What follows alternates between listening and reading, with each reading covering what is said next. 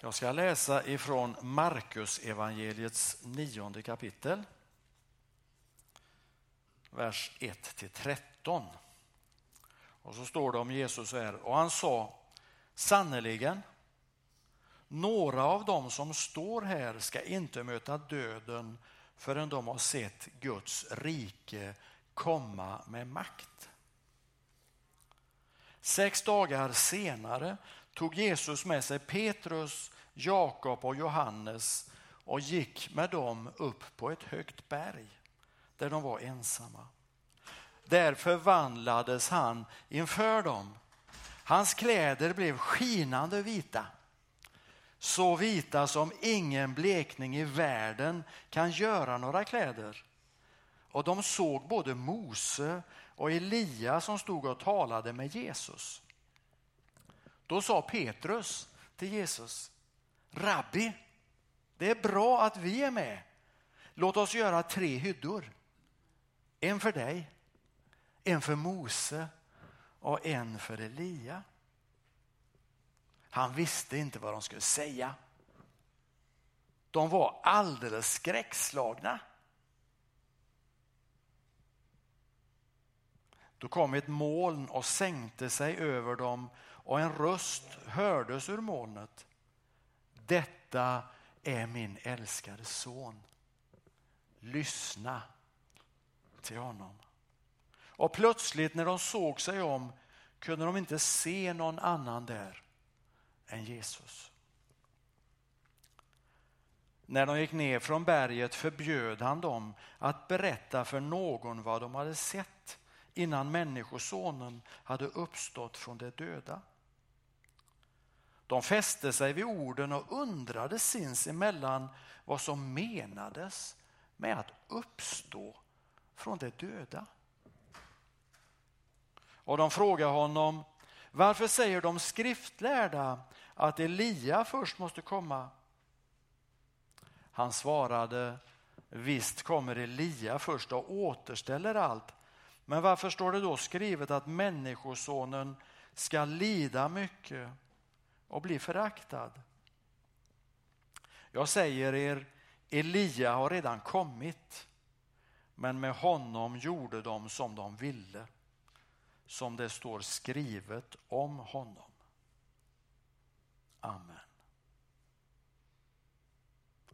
Herre, vi ber, öppna våra sinnen, våra ögon och öron så vi kan se dig, så vi kan höra din röst. Amen.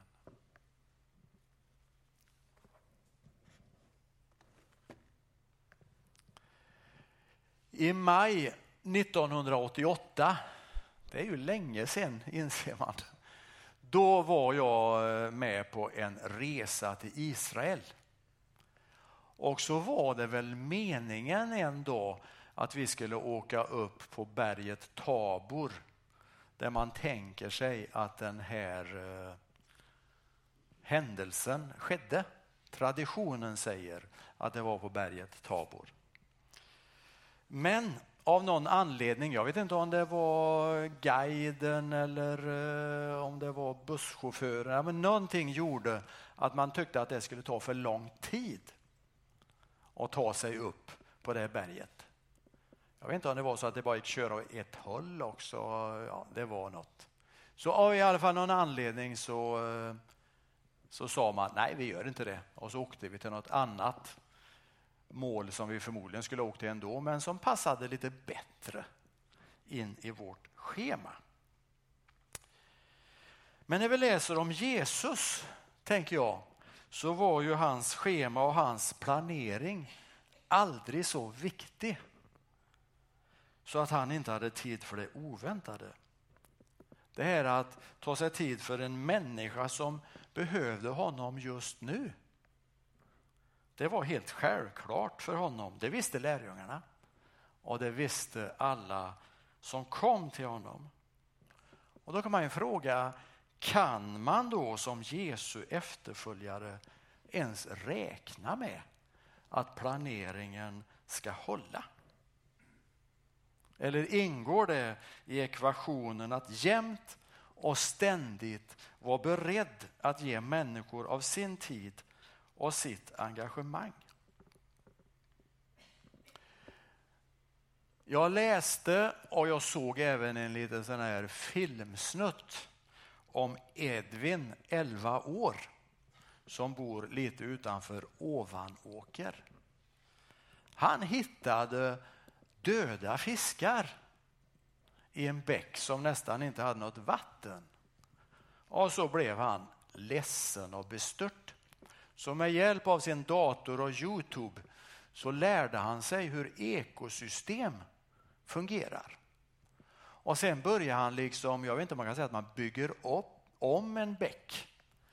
Men alltså han berättar att stenarna fanns inte och gruset fanns inte och dövirket fanns inte. Och så grävde han så vattnet kom och så återställdes den här lilla delen av bäcken så liv kunde leva. Och så berättar han att han var där varje dag och jobbade. Alltså det var lite erosion sa han, så han fick ta bort lite jord och se till så vattnet rann. Och så fick han frågan av reporten vad han hoppas på. Så säger han, jag hoppas att det alltid ska rinna vatten här och att musslorna inte ska behöva dö och att fisken ska kunna leka och frodas här. Sådana saker hoppas jag på. Så säger en 11-åring som har börjat se behov i sin närhet. Och han har förstått att han kan göra stor skillnad. För hans arbete skapar möjlighet för liv i en bäck som var död. Han skapar ju inte livet. Men han skapar en miljö där liv är möjligt. Sådana saker hoppas jag på, säger Edvin, 11 år. Och jag frågar mig själv, Ebbe, vad är det du hoppas på? Vad är det jag drömmer om? Och den frågan har jag ju ställt många gånger här framme. För jag bor ju i ett av världens rikaste länder med oerhört hög levnadsstandard. Jag har ett arbete att gå till. Jag har mycket fritid. Jag behöver aldrig bekymra mig för morgondagen när det gäller ska jag ha kläder att ta på mig? Ska jag ha mat att äta? Ska jag ha någonstans att kunna sova och bo? Jag kan vila tryggt. Allt är ordnat. Inga bekymmer skulle man kunna säga. Sen kan man ju ha andra bekymmer. Och när Jesus tittar på mig, när han ser vad jag har, vad jag kan och förmår, vad är det då han hoppas på med mitt liv? Hur önskar han att jag ska använda det jag har? Finns det människor som han vill nå genom mig, som finns i min närhet? Vad drömmer han om att få se i mitt liv? Och vad tror du han hoppas på när det gäller dig? När han ser dina möjligheter. Och vad hoppas han på när det gäller Andreasförsamlingen? När han ser oss, det här fantastiska huset, vår kyrka. Temat för gudstjänsten idag är Jesus förhärligad. Och vi hörde ju i texten om hur Jesus blev förhärligad uppe på berget. Och det står att hans kläder blev skinande vita. Men vi vet inte, fortsatte de vara så vita? Alltså det är sådana frågor skulle man kunna undra över. Var de lika vita när de gick ner eller gick det liksom över när Mose och Elia försvann? Det vi vet är att Petrus, Jakob och Johannes de var skräckslagna. Och är inte det lite förvånande? Kan man vara skräckslagen när Jesus är med? Ja, det kan man ju. Det är okej okay att vara rädd De här de var utanför sin komfortzon som vi säger idag. De var inte alls beredda på vad som skulle hända. Och Markus berättar att de ser Mose och Elia talar med Jesus, men de verkar inte veta vad samtalet handlar om eller vilka frågor som dryftas. Och så kommer det här roliga då när Petrus vill bygga hyddor. Kanske är det att han tror att det är så jag borde tänka eller att de borde stanna där uppe på berget. Men ganska snart så ser de bara Jesus igen. Eh, och allt är som vanligt. Men rösten som hörs från molnet som sänker sig ner, ner över dem kommer Petrus ihåg. Det bär han med sig under resten av sitt liv och den berättar han om i sitt andra brev kapitel 1 och 17 där han säger om Jesus att han mottog ära och härlighet från Gud, sin fader, när en röst kom till honom ur denna majestätiska härlighet. Så upplevde han det. Jesus förhärligad. Och vi kan ju tänka oss att det är något som hände där på berget Tabor, om det nu är rätt berg, det vet vi ju inte. Men om vi tänker att det var något som hände då, så kan ju vi luta oss tillbaks. Vi behöver inte bygga några hyddor. Vi kan ju bara gå tillbaks till våra liv och fortsätta precis som förut. För det är ju så att det vi läser om Jesus, det behöver ju inte påverka mitt liv egentligen. Inte så mycket. I alla fall inte drastiskt. Eller? I texten står det att Jesus förvandlades inför dem. Och ordet bakom förvandlas är det grekiska verbet metamorfos eller metamorfoo ska man säga egentligen. Och jag tror det är ett ord som ni kanske känner igen. Det är samma ord som Paulus använder i Romarbrevet 12 och 2. Anpassa er inte efter denna världen utan låt er förvandlas genom förnyelsen av era tankar så att ni kan avgöra vad som är Guds vilja.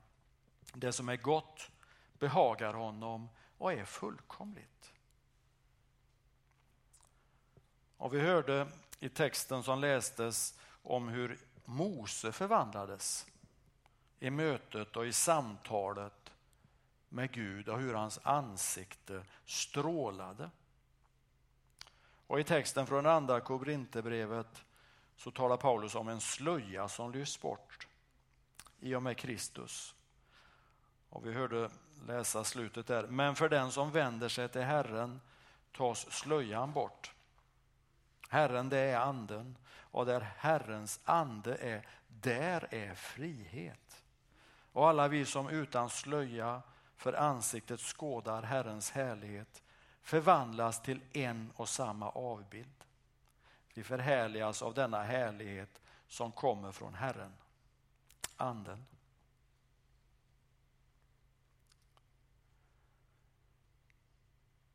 I en sån här text så finns ju risken att vi tänker att det är vi som ska förhärligas, för det är ju det det står. Eh, och det kanske vi ska. Eh, men jag tänker ändå att den bärande tanken med kristna livet är att Jesus ska förhärligas genom oss.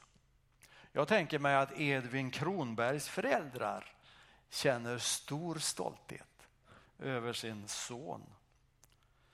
Eh, över hans engagemang och hur han helt själv har räddat en bäck och allt levande som nu finns i den. Eh, man kan inte säga att föräldrarna förhärligas, men alltså den, eh, alltså han gör något som lyfter dem också på något sätt. Och jag tänker när människor träffar dig, när de möts av din attityd, när de möts av atmosfären runt dig, när de hör dig prata om andra och hur du tacklar det som händer dig. När de ser vad som är viktigt för dig och hur du använder det du har. Då kan det bli så att Jesus förhärligas. genom ditt sätt att leva. Genom ditt sätt att bemöta och prata om människor. Och jag tror att det är det som Jesus hoppas på med ditt och med mitt liv.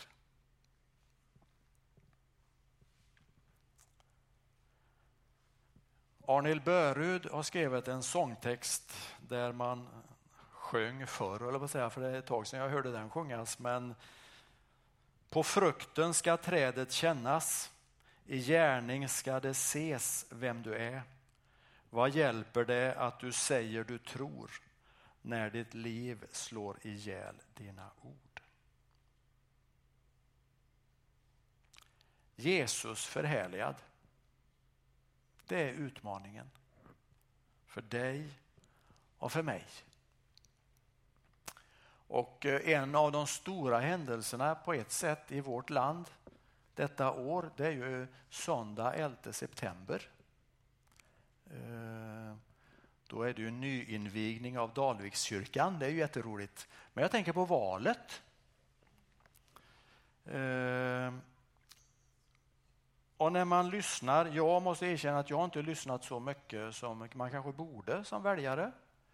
Men eh, många partier de vill, ju, de vill ju bygga murar.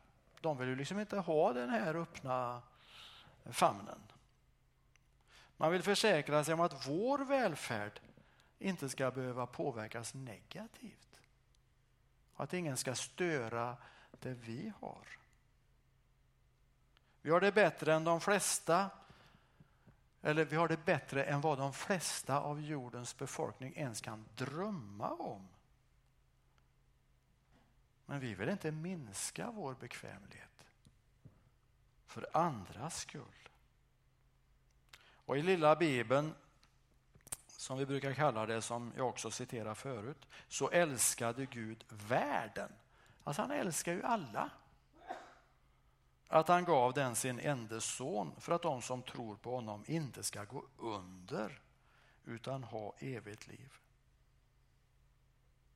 Om Gud älskar alla precis lika mycket, hur vill han då att vi använder den trygghet och de resurser som vi har i vårt land?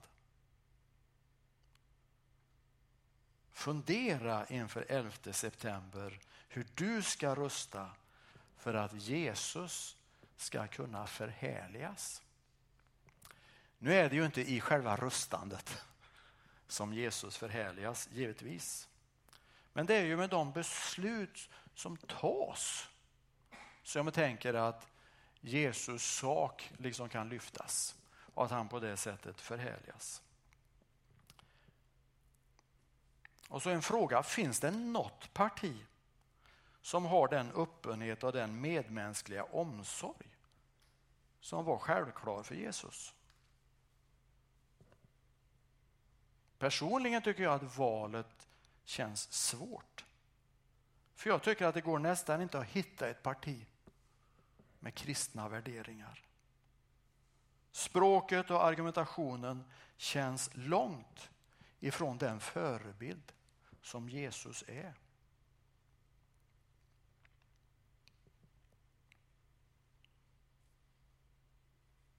Men jag står ju med mitt ansvar. Det jag kan göra nu och här det är att försöka förhärliga Jesus med mitt liv. Och är jag mätt och utsövd och sånt så går det ju lättare än vid andra tillfällen kanske. Men det är att möta människor ta med tid för behövande så som han skulle ha gjort. För det är ju det det handlar om, det kristna livet. Att förhärliga Jesus med sitt liv, med sitt sätt att vara. Amen. Herre, vi ber dig, hjälp oss att vara villiga att vara använda av dig med det vi kan. Hjälp oss förstå att vi, även om vi nu kanske inte får en död bäck att börja leva, så kan vi skapa förutsättningar, skapa atmosfär, en miljö som gör det möjligt för människor att växa.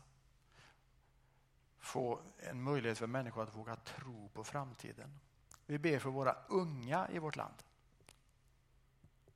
som ibland undrar vad som väntar när man ser framåt.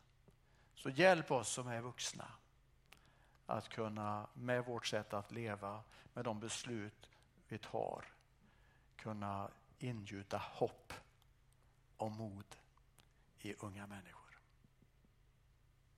Amen.